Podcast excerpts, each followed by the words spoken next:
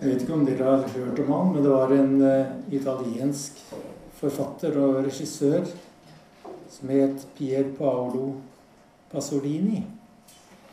Han døde i 1975. Men uh, Pasolini han lagde en berømt film i 1964 som heter Matteusevangeliet. En veldig spesiell film. Og denne filmen har blitt et ikon i filmhistorien.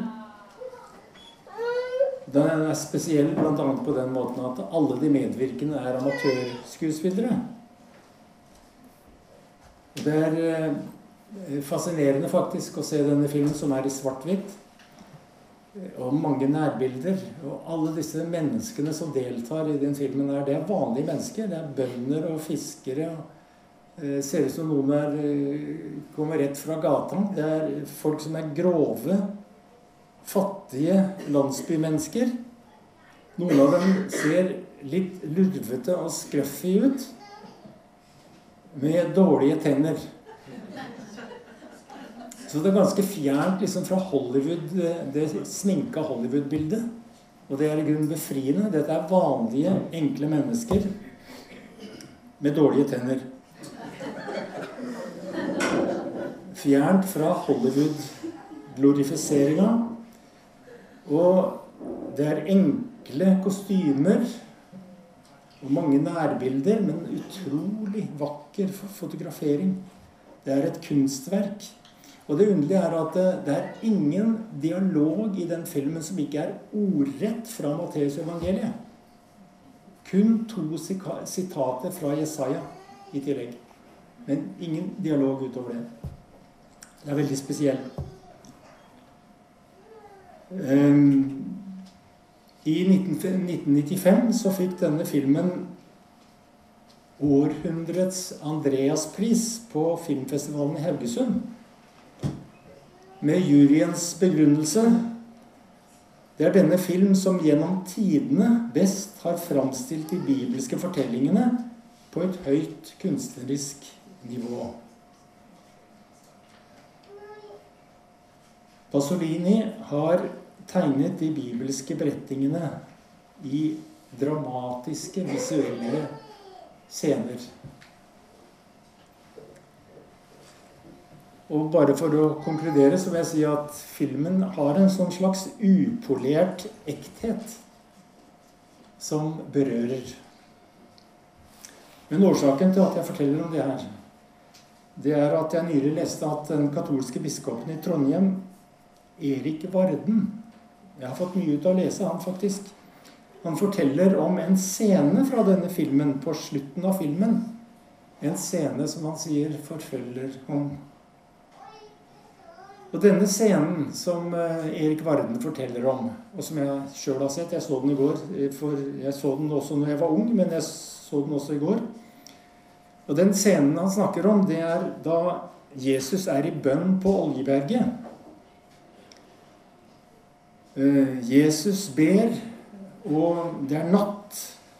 Og han har innstendig bedt disiplene våk med meg. Våk med meg. Men Jesus kjemper alene, for disiplene sovner. Og vi ser, og vi leser i Matteusevangeliet, vi ser på filmen, at tre ganger faller Jesus til jorden. Vi ser at han svetter blod i angst. Og vi hører at han ber, Far, hvis det er mulig, så la denne kalk gå fra meg, eller gå meg forbi. Og med en aldeles voldsom intensitet så utspilles det et drama som vi vet at dette dramaet er verdenshistoriens kjerne. Det er et drama med evige ringvirkninger. Og mens Jesus er på vei inn i sin lidelseshistorie, i den mørke Getsemanehagen under oliventrærne, så ser vi på filmen i bakgrunnen eh, På den andre siden av Kedronbekken at lys tennes i vinduene i Jerusalem. Byen våkner. Byen våkner, men aner ikke hva som holder på å skje i Getsemane. En ny dag er i ferd med å bryte fram. Morgenen nærmer seg.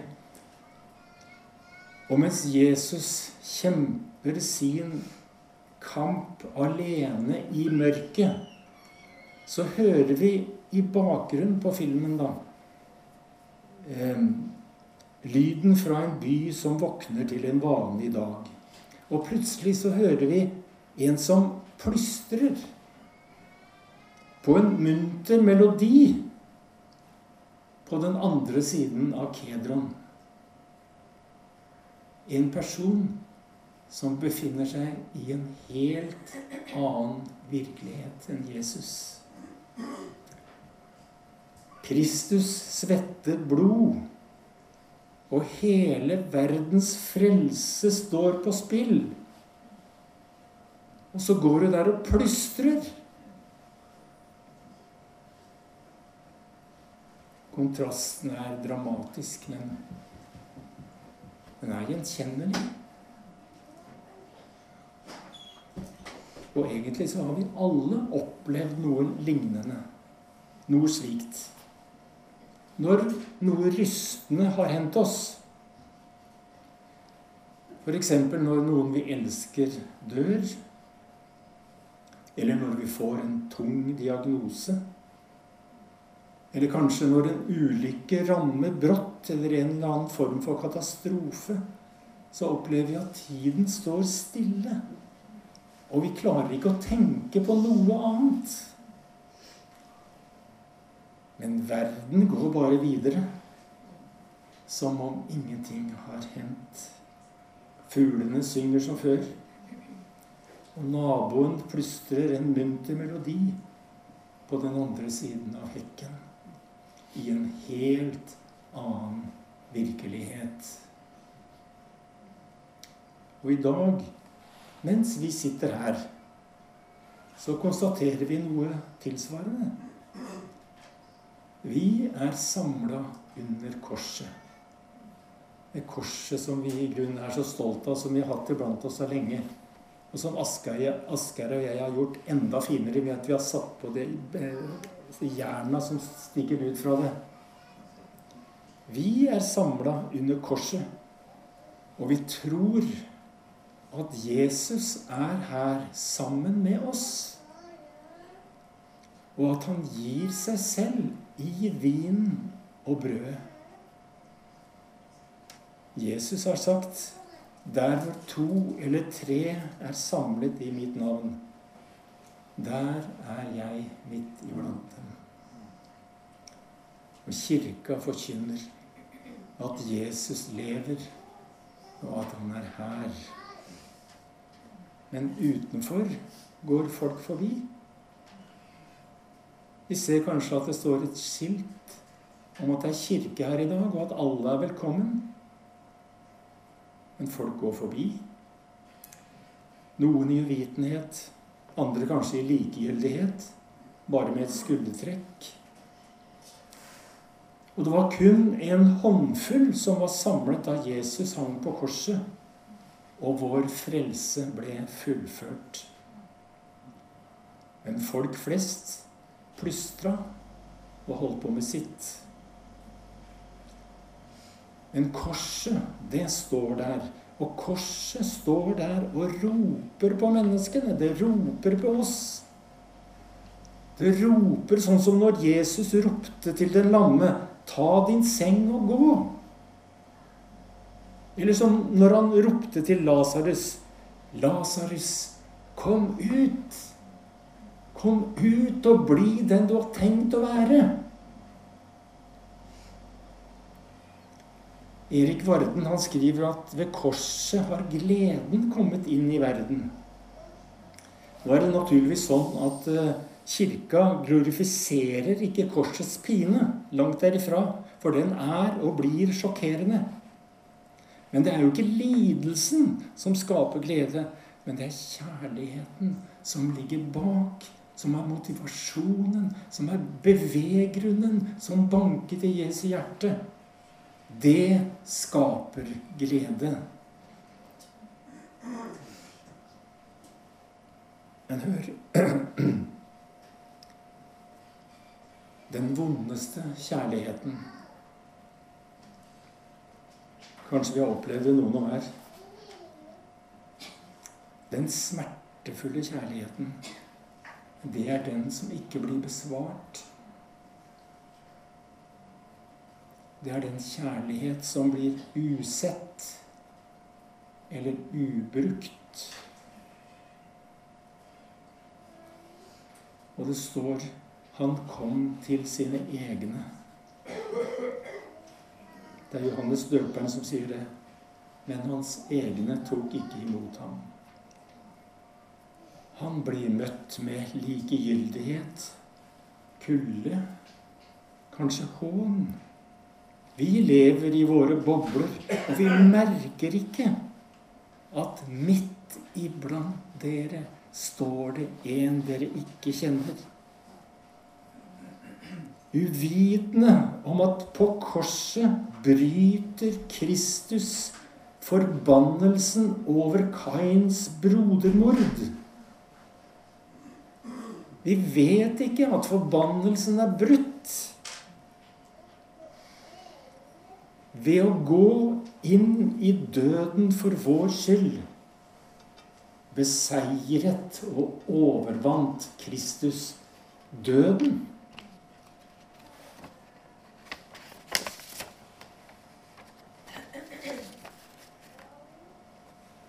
Sånn at vi i ham kan leve.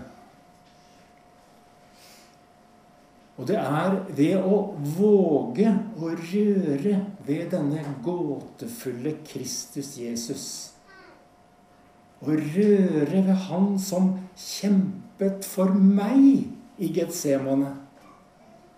Røre ved ham eller søke ham kanskje bare med et søkende blikk. Da bryter han igjennom min autistiske isolasjon og åpenbarer en virkelighet som venter på å gjøre meg delaktige i nytt liv. Og jeg siterer, siterer forfatteren Ylva Eggehorn, som sier Og når vi rører ved hans gåte, rører vi ved vår, egen.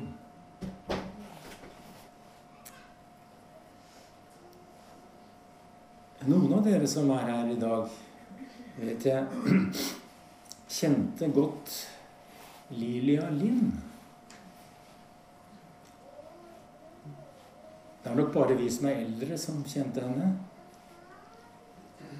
Lilia Lind var en fargerik Hortensborger som satte sitt preg på byen.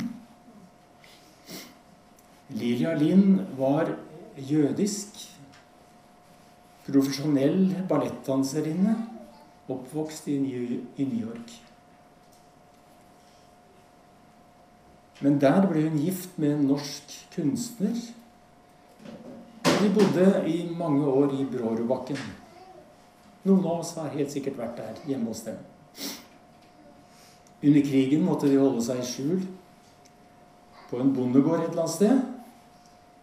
Men under den tiden så forteller Lilia Lind at hun kom i en slags eksistensiell krise.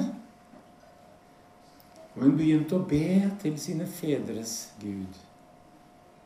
Og Lilia ba til Abraham, Isak og Jakobs Gud. Hun ropte til Gud i desperasjon. Men himmelen var som av kobber. Men mer og mer desperat. Så gjorde hun noen hun som jøde aldri hadde gjort før. Hun ropte 'Christ'.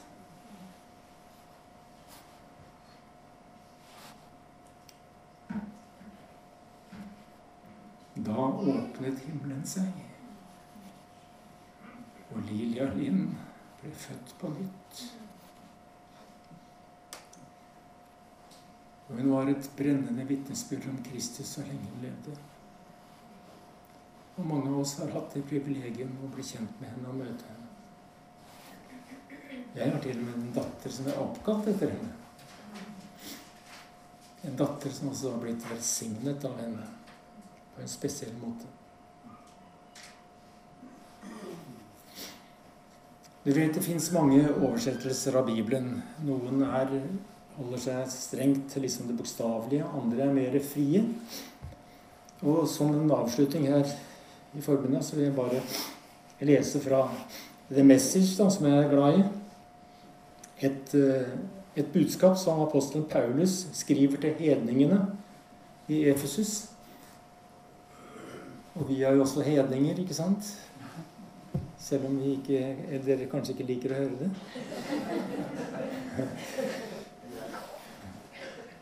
Men Paulus skriver altså til hedningene i Efesus. Det var bare så sent som i går at dere var utenforstående til Guds veier. Det er fra Efeserne 2, 11-22, dette her. Det var bare så sent som i går dere var utenforstående til Guds veier. Og ikke hadde noen anelse om dette. Ikke den fjerneste idé om Kristus. Dere visste ingenting om Guds pakt og løfter til Israel.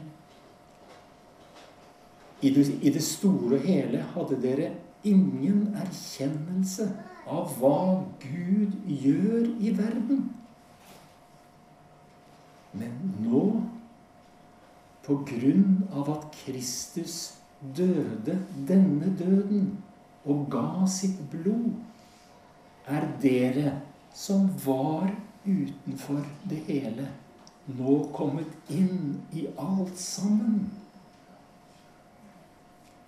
Og I en oversettelse som kalles The Amplified, så står det 'nå i dette øyeblikk'. Det kan vi ta til oss nå, før jeg leser videre. Nå i dette øyeblikk har vi kommet inn i alt sammen. Og apostelen Paulus fortsetter. Dette er klart nok, er det ikke? Dere er ikke lenger flyktninger som lever i eksil. Guds rike er nå deres hjemland. Dere er ikke lenger fremmede og utenforstående. Dere tilhører her. Med like stor rett til navnet kristen som noen annen. Gud bygger et hjem i dag. Og han vil bruke oss i dette byggverket. Uavhengig av hvordan vi kom hit. Han brukte apostlene og profetene til å legge fundamentet. Nå bruker han dere, sier han til hedningene. Han plasserer dere inn i bygningen, stein for stein, med Kristus selv som hjørnesteinen, den som alle steinene må rettes opp etter og som holder alle delene sammen. Og vi ser det tar form dag for dag. Et hellig tempel som Gud bygger. Og vi er alle bygget inn i det. Et tempel der Gud føler seg hjemme.